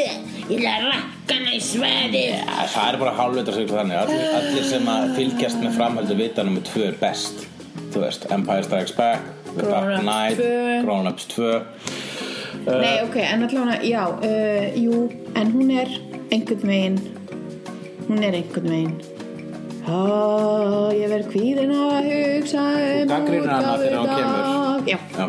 Uh, og ég ætla að auðvitað hérna uppistöndin mín Uh, Það er uppistand uh, hjá mér á skúlabar uh, miðvikudaginn, miðvikudagskvöldið það kostar ekkert inn hvað er skúlabar? skúlabarinn er við skúlatorg Hvað er skúlatorg? Uh, það er skúlatorg þarna þessu skúli fókiti stendur Já, rapp skúla rapp. Þessi er líka fyrir Dóra Tjena. Svo er ég með uppistand á Rosenberg uh, 50. kvöldið 10. Klapparstíg. september það kostar þúsund kallinn ég er með uh, uppistand á Pattís Keflavík. Keflavík 11. september. Ætla að segja fullt af 11. september bröndur um það. Kostar 1500 kallinn Býtu, býtu, býtu, ok, skúla ókipis, Rosenberg, Ah, 10.000, nei, Rosenberg er 1000 kall og Pattís 1500 þannig að vera bestu brandarannir í Pattís. Já, bestu brandarinn er Pattís En það kostaði 500 meira en síðan að fara til Keflavík. Og hérna Ég Rosenberg Kostar sem dörglega meira að keira á Aftur 17. september Rosenberg Þúsugallinn Aftur 24. september Rosenberg Þúsugallinn 8. oktober Rosenberg Þúsugallinn Og svo verð ég að hita upp fyrir Dog Stanhope 30. oktober Hver er Dobb Stamhop? Dog Stanhope hefur séð þættina hans Charlie Brooker þar sem hann er að- með screen wipe og það kemur svona þættir það kemur svona einslög frá Dog Stanhope sem segir I'm Dog Stanhope and this is why I drink America fucking fuck fuck fuck fuck fuck Málefni dagsins. Loksins Það gerist ekkert fyrir svo löngu síðan að ég tilkynnti í, í Facebook-grúpunni S01 E01 að ég var að horfa Clarence sem eru frábæra teiknumyndur af stöð, stöð 2 alltaf ég segja en ég var að meina Cartoon Network. Og Lobo Snær Stökk á þetta. Og Lobo sagði takk fyrir að kynna mig fyrir Clarence. Og við, okkur, finnst það, okkur finnst það um þess að þetta eru frábæri vegna þess að það er eins og þú orðaðir að horfa á barnæsku sína Ö, Veistu hvað? Þú sagði það Ég endur tók það Annað Ég var til að fara í Clarence Gym. Það væri Það væri- ógeðslega það gaman. verið leikvöllur þar sem það er svona þar sem er svona tak, einhver búin að henda tacos á jörðina og maurar eru að borða. Ó, það er svo skemmtilegt Það er svo ógeðslega skemmtilegt. Ég bara uh, Já. Ég er búin að hitta tvö börn sem fílaði ekki Já, ég held að sko næstu, þetta er sko tala næstu meira til fullorðna, það er svo mikið af sko bröndurum sem fullorðni fatta, þá er ekki tala með endilega einhverjum dónabröndurum Nei, nei, nei. alltaf verið að fila í Disney myndum heldur, uh, Kannski er bara sjálfrætt mál fyrir krakkum Þau eru bara, so? Já. eh, Já, já, borðið að snakk af gólfinu. Já, borða gos með skeið. Já, einmitt. Já, sofi í risaðalbúning Ó, og hann er svo skemmtilegur. Já, en svo gerðist þau sorgartíðindi að við googluðum hann Googlum Clarence og komst á því að maðurinn sem skapaði Clarence er, Skylar Page. er creep. Já, hann er bara eitthvað svona groper. Hann er bara Já. eitthvað rowdy, roddy peeper, piper. Nú ekki kalla Rowdy Roddy hérna, er hann Groby, Grober Hver? hinn hin nýdáni glímukappi Rowdy Roddy. Ó, ah, ok, nei að þetta er eitthvað Simpson þegar hann var að ná í eitthvað The Precious Gummy, nei eitthvað, Gummy of them all mm. Vínusti mæl og gummi af rassinum á barnapínu Mhm. þegar hann var því mm. og að því að hann hérna festist hlaup á rassinum á að ég, er bara preaching to the choir af þeim sem sá hann að þáttum minn eftir þessu ég gleym ekki klísturhljóðinu þegar á vínustu mæl og blikkar að því ég var eitthvað wow, flott smáatriði ok, þá kemur þátturinn hann að hard talk eða hvað sem hann hét hann að þegar hann er að þegar að, það verið að blammer hann í svona einhverjum umulum amerísku þætti Já. þá segja hann eitthvað svona, rowdy, roddy, peeper, uh, piper. Já, og hérna mm, þess vegna var ég að segja þetta, þetta er mjög langsótt. Um, og því að Homer var sakar um að vera groper já, en eins og með alla gropera þessa heims að maður elskar það sem þeir hafa gert þá langar mann ekki að þeir séu gróperar og, og þar að leiðandi erfiðara með að meðtaka það. Bara alveg sem með fyrirmyndaföður Woody Allen.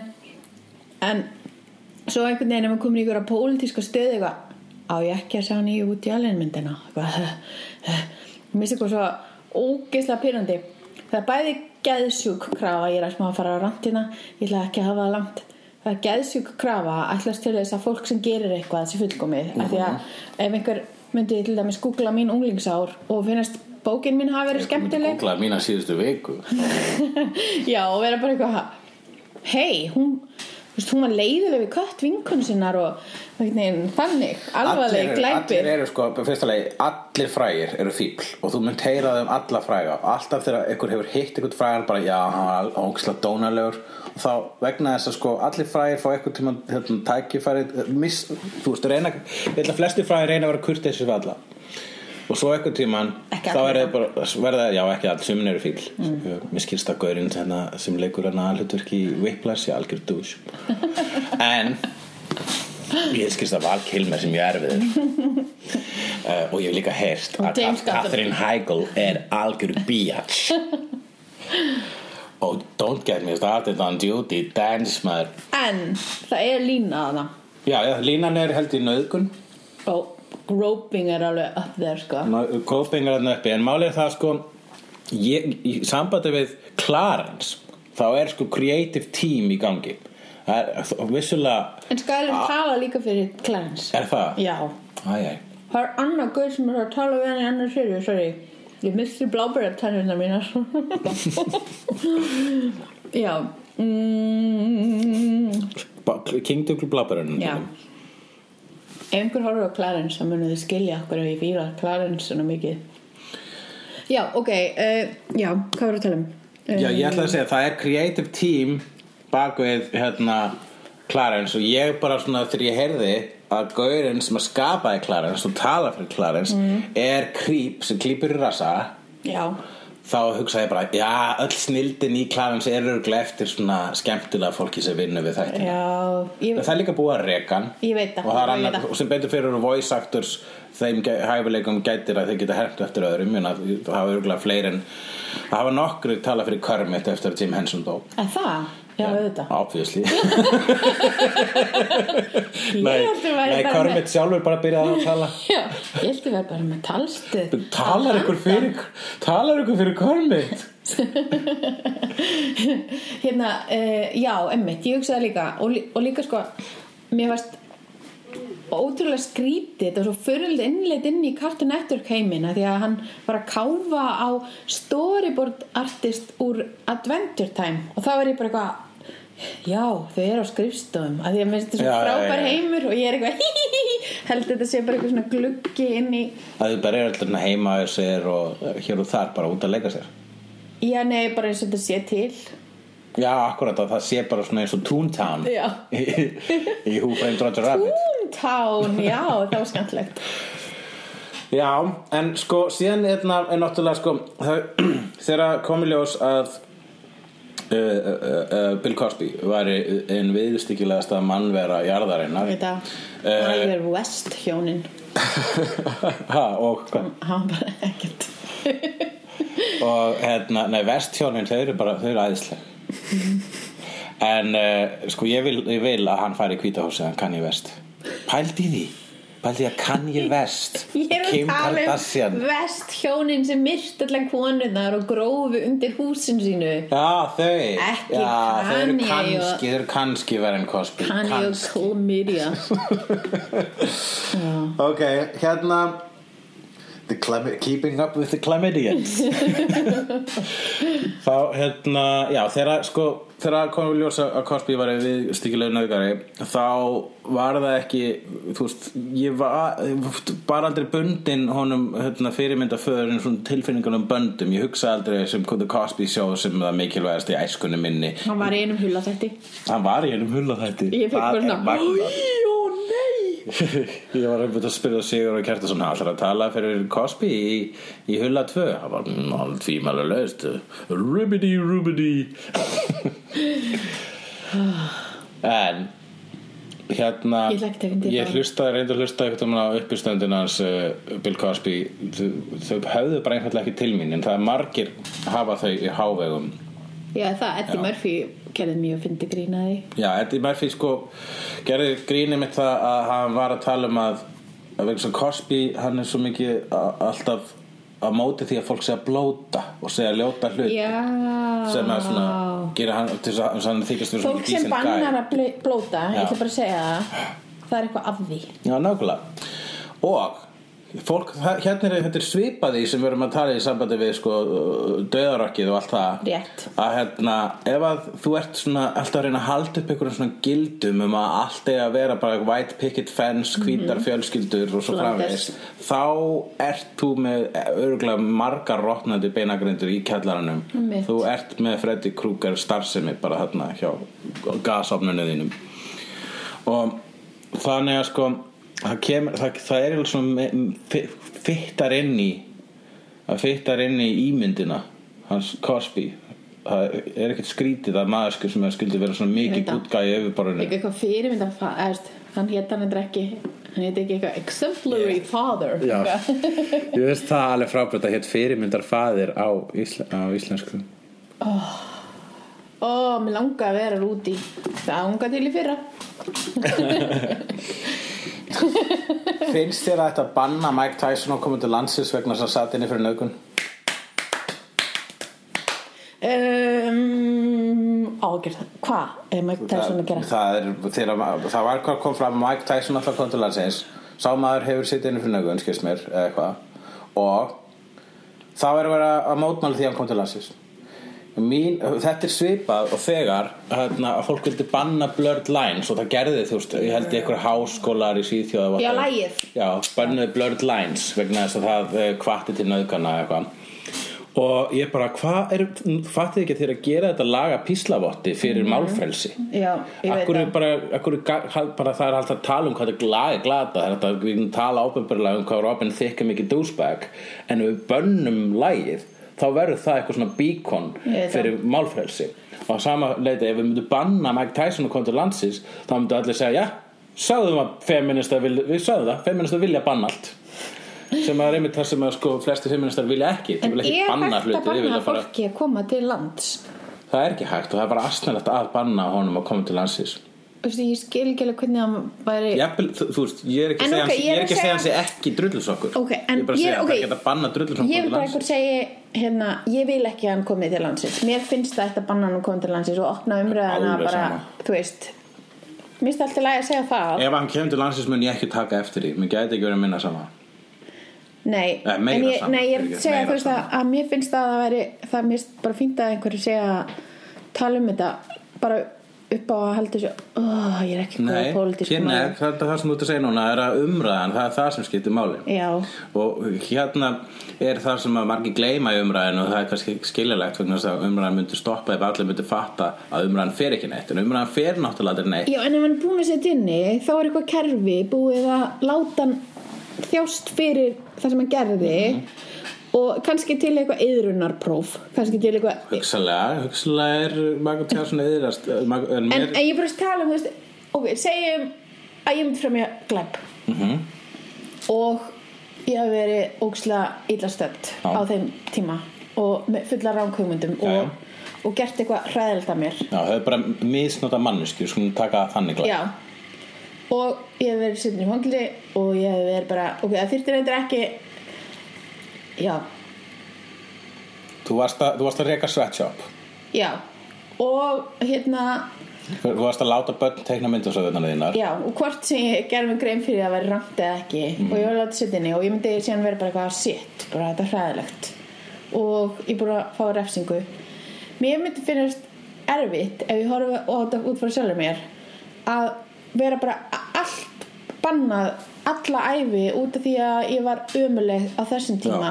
Það eru einhver sem að myndi kannski lusta á þetta verið eitthvað svona þú ert ný frjálsíkju mannskja það eru eitthvað Já, það já. eru eitthvað fólk Ég sem veit segir ekki eitthvað hvað það það er eitthvað sem fólk segir. oh, þetta er ástæð fyrir ég höld mig við þess vegna finnst mér leðilegt maður horfður Það ekkert er- skemmtilega þátt og svo bara eitthvað hvað maður sem tala fyrir það sem er búin að lega mig líða eins og allt sé skemmtilegt og fullt af von. Er bara eitthvað svona ógislegt vinnustæðakrýp mér finnst það svo leiðilegt. Já, en þarna hér aðskilum maður pínu veruleikan frá hérna, skaldskapnu vegna þess að það er þegar allir að bátna kvöld fólk sem fremur ógislega glæpi er líka fólk. Það, það er vissulega á algjörlega að dæma alla sem fremur hræðilega glæpi sérstaklega gegn öðrum mannum en hérna, en við getum ekki skrýmslavegt þessa aðla vegna þess að nöðgarar sko, það sem að eh, þjóðfélagi mun batna um leið og nöðgara sína opinberilega yðrun ef að nöðgari segir fuck, ég er nöðgari ég nöðgaði konu. Ég trú ekki að ég hef gert það. Djöfisins ógeð er ég, ég bara byrðist fórlátt hvað get ég gert til að bæta upp fyrir það? Ég þarf að gera eitthvað, ég skal sitja í klefa. Ég skal vinna eitthvað að vinnu. Ef að nöðgar að stíga fram og gera þetta þá væri það mikil bót fyrir samfélagið. En þeir munu ekki gera það á meðan að við köllum alla nöðgara skrýmsli á meðan þeir eru verstu manneskir sem við getum ímyndað okkur. Á meðan þeir eru réttræpir í bíómyndum. Hafandi sagt það verandi sá maður sem aðskilur list frá veruleikunum þá hef ég lúmst hérna, gaman af svo kallum rape revenge myndum sem eru myndir þar sem að einhverjum er nöðgað og svo fremur hérna, nöðguna fórnalambið hemmt Já. og, og, og, og og, nöðgarana eins og hann að stelpan með drega fúðflúrið Já, drega það er rape ó, revenge ég bara, sko, ok mér finnst bara hérna uh, tilgangurinn ekki helga meðalið í þessum hérna, er, ok, ef meðalið er Ég meina, hryllismyndir, spennumyndir, það. Eða þjón einhverju tilgangi þá er oftast til að veita áhörnandunum útrás. já, ég veit, en mér finnst ekki nógu mikil útrás til, sem svona velun fyrir að, að þjóst í gegnum ógeð ég sá þessa mynd í flugvél, eitthvað svona vannsveft og það bara eitthvað og fekk bara svona Vá, hvíða var hún hlýtur að vera skorið mikið niður í flugvél. Nei. Það, ég farið að horfa svona, alltaf en maður horfir á bíómyndir flugvél búið að skera burt ógæslu atriði. Er það, ok, þá hefur það verið mjög atriðin svona, En hérna, Ó, það er svo ógislega, akkur er að hugsa það já, því þegar hún tattu verar nöðgaran með, hérna, ég- með orðanum ég er nöðgari, Já, um, fannst þér hann ekki eiga það skil? jú, en En ef þú hefur séð það, ef þú vita, ef þetta verið heimildamynd, ef þetta væri bara að vera að taka myndi viðtal- aldrei að horfa á þessa heimildamind. Nei, en ef að þú veist, þú Ég ég fréttir verið að horfa þessu á áhugaverða skandinaviska glæpasögu ekki eitthvað bara svona ógeð. En því fannst þetta ekki, fannst þetta ekki alveg bara svona haha, gott á hann. Jú, en það var ekki nógu mikið haha eða það þurfti að vera besta haha í heiminum til þess að eyða öllum atriðanum undan sem voru svona óþægileg. Já, ég skil, vegna þess að, já, já, ég skil. Já, þá erum við á öðrum slóðum uh, En? En, það sem ég er að ó, Nú er ég búin að, sko þessi gæmtilega líka við þessu umræðu. Við þurfum raunin ekki að komast að niðurstu vegna Það að það er ekki gott. hægt að komast að niðurstu um, e, a, a, e, þetta við hérna, þetta er bara í þessa þú veist, allar umræður á netinu sem það sem fólk er að rífast um eitthvað veit enda ára því eitthvað kallar eitthvað Hitler sko. Þannig að Hitler er sko, um leiðu byrjum að tala um Hitler Ef við kallum þið Hitler núna getum við að tala um hana. Þú ert algjör Hitler. Hitler leikur Him. Þetta er ekki gott. Ef að fara í með okkur augum? Ég ætla bara að segja eitt með Clarence mm Hann er jafn skemmtilegu þátturinn og það er glata að vera að vinnustæða gróperinn True that. Og Rosemary's Baby er jafn frábær og og nei.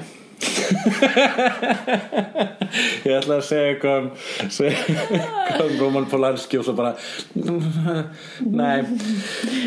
Oh, ok. Já. Með okkar augum. Var þetta ömulegt hjá okkur? Nei. Var þetta góð, góð, góðra umræður uh, Ég veit ekki, ég veit ekki hvað við erum að tala um þetta. En eins, kannski, Við- var- kannski bara sniðið að við vorum að tala um það en, en líka að við Já. höfum ekki getað sagt neitt Nei, að það er ekkert gaman að maður verður að fá að geta að tala um Clarence og það er glatað að loka augunum fyrir hinnu af því að þetta er nefnilega þetta er svona dilemma sem maður lendir úr oft í ef maður er svona aðdánd einhvers. Að þurfa að aðskilja þú veist. En þetta er bara, ok þetta er ekki eins og að er ekki hægt að bera saman bók og bíómynd. Þetta er hérna að, að, að því mann líður allt í eins og maður sé eitthvað svona óslega mikla ábyrð þegar þú gæti bara verið heima og horfa á allt út í allin safnið eitthvað, að maður er snillingur. Og bara einhvern veginn Já, ég menna er. Ég er mjög gaman af uh, hérna, sögurum hans de Sade. Og mér skilst að hann hafi nú verið ekkert endilega bara besta manneski heimi sko. veita, þetta er nefnilega veist, og bara Edgar Allan Poe Beethoven var just algjör dúsbæk sko. Já, þetta er bara eitthvað þetta er, maður verður bara svona veist, þá allt í henni þarf maður að vera eitthvað svona listrætt pjúritanni Ég, sko, ég meina ég er veist, oft búin að segja upp að það ég sé feministi og er, er alltaf svona eitthvað að að vera ja, þú veist, ég, ég, maður er eitthvað svona að vera góða fólkið og en samt eru, að, eru bara sko megnið af bókunum hérna í bókahillunum mínum þær eru sko þú veist, stangast á við svona mínar rétt hugsanir og margar af mínum upp á spíómyndum eru bara svona með það sem margir myndu kalla raung skilabóðu, það Já. er sexist myndir og svo framvegis. Ég, hérna, já, ég veit það ég skil það alveg. Og líka hérna sko, ég held eins og alltaf að feministi væri eins og að vera, veist, bókmentafræðingur eða einhvern veginn að því alltaf ég hitti Já, þegar ég var unglingur og hitt einhvern sem sagði ég er feministi, þá fannst mér það að fólk alltaf svona vita alls konar. Og þegar ég var að tala þá var ég einhverju byrjandastíi og fallan einhverju grifju sem stressandi að tjáma um svona hluti að þið kannski er eitthvað til um þetta. Já, mínar svona einmitt, skoðanir, mín svona viðhorf að það að vera feministi það, ég læt það ekki trubla það, hérna, mín, minn smekk í listum minn smekkur í listum, það er bara miklu meiri tengslu við dýrið inn í mér og kaos og bara óreið og, og ég bara, svona, "Ó, hvað er þetta, ég veit ekki hvað þetta er, er þetta fallegt, er þetta rámt, who gives a shit? En síðan þegar það er samt inn í pólitík eða inn í einhverjum, einhverjum sem skiptir svona máli, áþreifanlegur sem skiptir máli eins og eins og einmitt bara svona ef, ef einhver gaur er algjör sexist douchebag í ríkistjórn þá er bara hei þú átt ekki að vera þarna. En ef gaur er sexist douchebag og er að mála málverk þá er ég bara svona "Jú, þú veist ekki að meða mig með þessum málverkum. já, emmitt, emmitt, já. Þau eru ekki að hérna e, breyta einhverju fyrir alla veist. Og ég er, hvort er ekki að fara að kynnast þessum málara sko, ég er bara að fara að skoða verkina sko. ég nenni ekki að hanga með honum, hann lítur út að vera hundleðilegur Ég veit það, það er líka hérna uh, já. Það er urglegt að segja eitthvað margt gáulegt um þetta Nákvæmlega, þannig að þú veist kannski líka er mjög margir sem gera mjög léleg og, og, og bara hræðileg kúkaverk, þú veist. Hver er nice guys? Já, sem eru bara algjör næskæs sem bara ástæð næsköra Það er ógislega leðilegt Ég Ed Wood, þú veist. Vinkona mín ég egnaðist ég vinkonu sem var sem að uh, var ekki búin að segja mér en þegar hún komst að því að ég væri í tónlist þá þorði hún ekki að kíkja á það að því hún var svo hrættum að það væri ógeðslega glatað og svo þurfti hún að feysa mig og reyna að gera upp í sig hvort hún ætti að minnast á hún eða hlusta það ekki. Ég hugsa svona ógislega mikið. Þannig ég fekk allt í henni eitthvað svona e-mail frá eitthvað heyrðu, þetta er bara rosa skemmtilegt. Og, ég eitthvað og ég sagði eitthvað svona móti ég Veistu, hrættum að að finnast þetta. glatað og, er og já, ég sagði að fegin að hafa ekki verið glötuð. Ég hérna sko ég, það hugsaði svona rosa mikið þegar að koma sko að gríninu mínu uppistandinu ég var alltaf að segja fólki hei viltu koma og kíkja á uppistandinu mitt? Og fólk er já ég hef ekki tíma. Þú veist vegna þess að þú veist uppistand af öllu. Þú veist þá er það miklu verið að þú þarft að setja í salnum og hugsalega sjá vinðin niðurlega sig Ég veit það, ég veit það, Niðurlægja Sko, veist þegar ég fór upp í stend með þér Já. Mér leiður upp bara svona eins og mömmuðin eða eitthvað. Það er eitthvað svona bara Ég nú bara að ganga allt vel hjá honum. Ég var bara, ég var bara ekki að meika lífið. Ég var bara svo hrætt við mómenti eftir þetta og feysa og vera eitthvað uh, Flott hjá þér Eða þú veist Já, ég veit, sko, ég, ef að ég, ef að það gengur ekki vel hjá mér upp á sviði, þá vil ég að fólk segja mér það, vegna þess að það er miklu verið en að fólk sé svona þögult og segja ekki neitt. Er en, það? Já, ég, ég, ég allavega núna. Ég myndi bara vilja að fólki finnst það árum- geðveikt. Fyrir svona fjórum árum þá hefði ég ekki getað höndla það, en núna er ég bara fatta ég hvernig uppistand virkar og stundum bara getur það sökkað sem betur fyrir mjög sjaldan í mínu tilviki og, uh, hérna, og þá er það bara veist, það er bara hluta af þessu. Allir stærstu og bestu grínastir í heimi eiga léleg kvöld sko. Og, og bara sérstaklega vorst að prófa nýja brandar á svoleiðis. En það er bara hluta af þessu. Og það sem ég elska við uppstandi það að maður lærir að niðurlæging er ekki bara bara algjörlega skiptir yngum máli. Uh, heldur er niðurlæging líka bara pínu nöðsileg Já og mistök í list eru hann, hérna hún hérna hvað heit hún aftur sem held að fara í búninga og taka myndir af sjálfur sér. Uh, Sherman. Sherman, Cindy Sherman, hún sagði að maður væri ekki listamæður ef maður gerði alltaf bara einhverja hittara þá það væri er ömurlegt, sko. þá verður maður bara poppari og líka ef maður gerur sketsa þætti þú verður að gera lélega sketsin á milli svo að góðu sketsinu séu góðir. Ég veit það. alltaf sko. og verður líka að prófa áhörundur og jafnvel stundum að hræða þá með einhverju smá svona að ég er kannski að fara að segja eitthvað vandræðilegt og þá liður ykkur illa en núna kemur góð brandari en talandi um, um, um mistök í listum með okkar augum.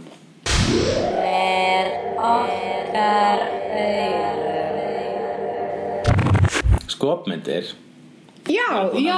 ok, ok með okkar augum skopmyndir. Ég las þetta ekki sem tengd fyrirbæri en á skjánum. Nei, nei, nei, þú átt heldur ekki að lesa dagskrána minni hérna Ég, Nú er ég að fela hana. Ég held ég ja, væri Það er búið, þetta Ég er held ég síðasta væri coming dagskrána prepared. Ég held ég væri að, að undirbúða mig gegnum þig.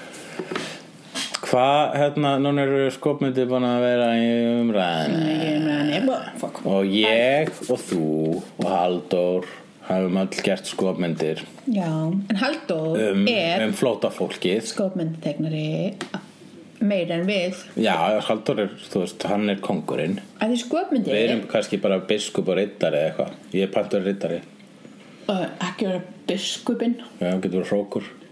Hals, Hrókur alls fagnar ah, ég ætla að segja uh, hérna, já en Hann er ekki kongurinn, hann er alltaf drottningin Er ekki frekar drottningin? Hann er drottningin um, kongurinn finnst mér að vera helgi á mokkanum. En Já, er hann kongurinn vegna þess að hvað? Það hann er brjálaði kongurinn með sífilis. Skada heilan í honum. Já, það er the madness of King George.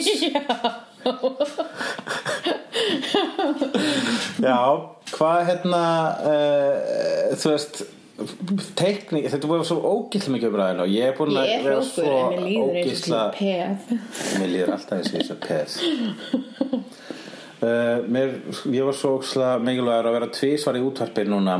Tveim mismund útastöðum á, uh, í vikunni að plugga tvö mismunandi uppistandsjó. Já, og í bæði skiptinu var ég náttúrulega að spyrja út í skopmyndunar og ég passa, ég reyndi að tjá mig ekki á mikið um það en þegar maður er fyrir fram mikrofón þá byrjar maður að tala og hérna en ég finnst sko við skopmyndateknarar fara á mjög hála nýs ef við ætlum að fara að gaggrina Helga sig mikið upphátt vegna þess að þá bara við að fara út í eitthvað, mála okkur út í eitthvað svona eitthvað hræsnis Já, öngstræti. Já, ég ætla bara að taka hræstnarast lægin á þetta. Já, ok.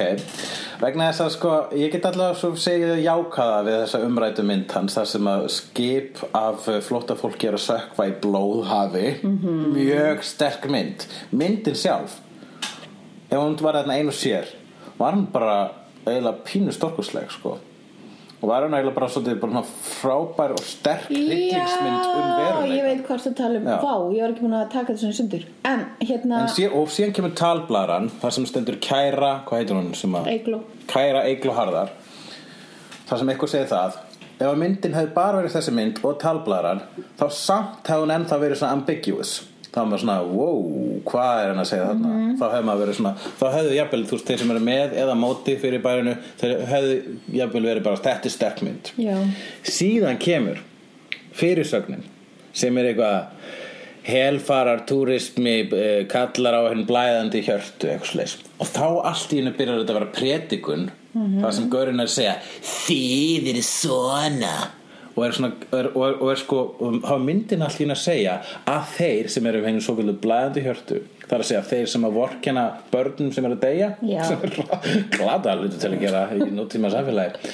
Að þeir sem gera það séu hálfvitar Já, að þeir séu svona næf hálfvitar fattið ekki að fólk mun koma þarna og taka allar vinnuna frá okkur. Ég finnst bara mjög gott sem Louis C.K. sagði ef að maður sem talar ekki þitt tungumál er ekki frá þínu landi stelur þinni vinnu þá því kannski bara þú setur sem pínu mikið skítur. Já, og hætti alltaf að veist, hvaða vinnum er, er hérna, flóta fólk og innflytur að stela frá okkur? Vinnur sem að enginn vill. Það er of góðir fyrir. Það er nefnilega að nota sama og með hérna, bótakerfi og, og nöðgara eða hérna konur sem að sem að segja einhver af nöðgar sem gerði ekki eða sem að það er alltaf sama veist, það er vera það er kannski einn einn náungi sem var leðilegur og þá bara er heil þjóð bara bara einhvern veginn rífin með í svaðið. Já. en já, og nefnir með svona blæðandi hjörtu ég myndi miklu frekar vilja vera heimsk blæðandi hjartamanniska heldur en einhver bara hrættur geðsjúklingur. Nei, ok, ég ætla að vera ógeðslega political korrekt hérna. Political Þetta er miklu fyrir að vera heimst blæði hjarta heldur þú gáað eh, stálhjarta Já. Já. þetta hljóði í stálhjartunum okkar að slá saman. En, en sko hérna uh, það sem að hins vegar sko, Facebook er aldrei uh, góður stað til að taka gáfulega komment frá en kommentin voru sko, veist, reyðin yfir þessari mynd voru töluvert uh, meira fróðufellandi heldur en mér fannst ástæða til. Maðurinn gerði bara stúpid og lélega skopmynd og ég skal gefa hana það vel teiknuð en hérna Þú samt segir þetta bara á þínu Facebooki. Þú sást ekki dark side of Facebook þar sem allir voru eitthvað Naglin á höfuðið spot on helgi. Ég sé nú pínu da- stark sæt á Facebook. Ég vinn hans Ólafs F á Facebook. Sá maður spúir hatri gegn Íslam. Ó. Spúir hatri. Alveg bara Ha? svona Vá, ég er í par ex- alv- Ég er svona alltaf næstu búin að blokka hann Nema ég er með smá svona fettis fyrir Svona eitru, eiturslaugum sko. Ég held að allir á Facebookinu mínu séu háskólamentaða vinstri fólk sem að myndi hjálpa flóta fólki eða gæti. Já, en háskóla með þetta vinstri fólk það dettur líka stundum í, í það að uh, fara sko hérna uh, svona offerum sko bara Já. þetta, er bara þetta var sko, fyrir mér var þetta bara svona að já, hérna lélugu grínist að segja lélegan brandara og að hann veit ekki neitt og hugsalega var hann reitstýrður af glötuðu blaði Já, uh, Taylor's Oldest Time, það er ekkit nýtt að moggin er eins og hann er sko. sástu hann viðtölu við hann Nei, ég á erfitt með vandræðileg viðtöl Er Það? Já. Nú, Ég lífi fyrir þau Já, hvað, hvað, já, eitthvað, hvað, hvernig var það? Til dæmis, ok Ef einhver segir hvernig liðir þá get ég ekki sagt hvernig mér liðir að ég segi alltaf mér bara líf bara ábla vebla það er bara fast. Já, það, er, það er líka besta vandræðilega viðtölu allra tíma. Ég veit, þau eru svo góð. Það er eitthvað svo já, þetta er bara svona þeir eru eitthvað svo já, þetta er bara svona eins og þú hlærið eða þú deyrið næstu því þú hlærið að þessu að þetta gæti hafa verið þú og einhvern veginn, þetta er svona allsber í skólamartröð Já, mjög, mjög, mjög gaman þegar fólk dettur í, í svona, svona íþróttablúbers og svoleiðis en þegar fólk er hérna vandræðilega vittlust í viðtölum þá, þá byrja ég rosalega mikið að vorkina og byrja allt stenda upp og byrja að labba um Það er líka meiri líkur að að þú eru vandræðilega viðtalegur detta í íþróttinni sem þú veist að keppi. Kannski, kannski er það, kannski er það óttin við það að vera vittlusum maðurinn í viðtalum Við munum öll einhvern tímann vera vittlusum Mér maðurinn líður núna eins og þessi vittlis maður í viðtalinu. Hvað? Hvað finnst þér um nöðgun? Hef með höfu! Hvað finnst þér um nöðgun? Uh, Mibala, libala, libala, libala Okkur það er bara Ógnar fjör má alltaf sjá Í Reykjavík Á landinu loftin blá Líka á sænum. Hættur og háski Látur og gáski. Hefnendur Í Reykjavík Hefnendur Í ævintýrum lendar þess Hefnendur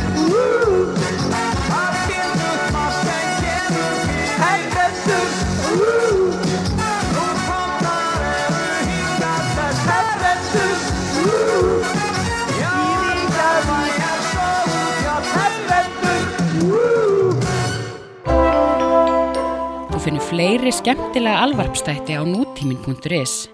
Takk fyrir að hlusta.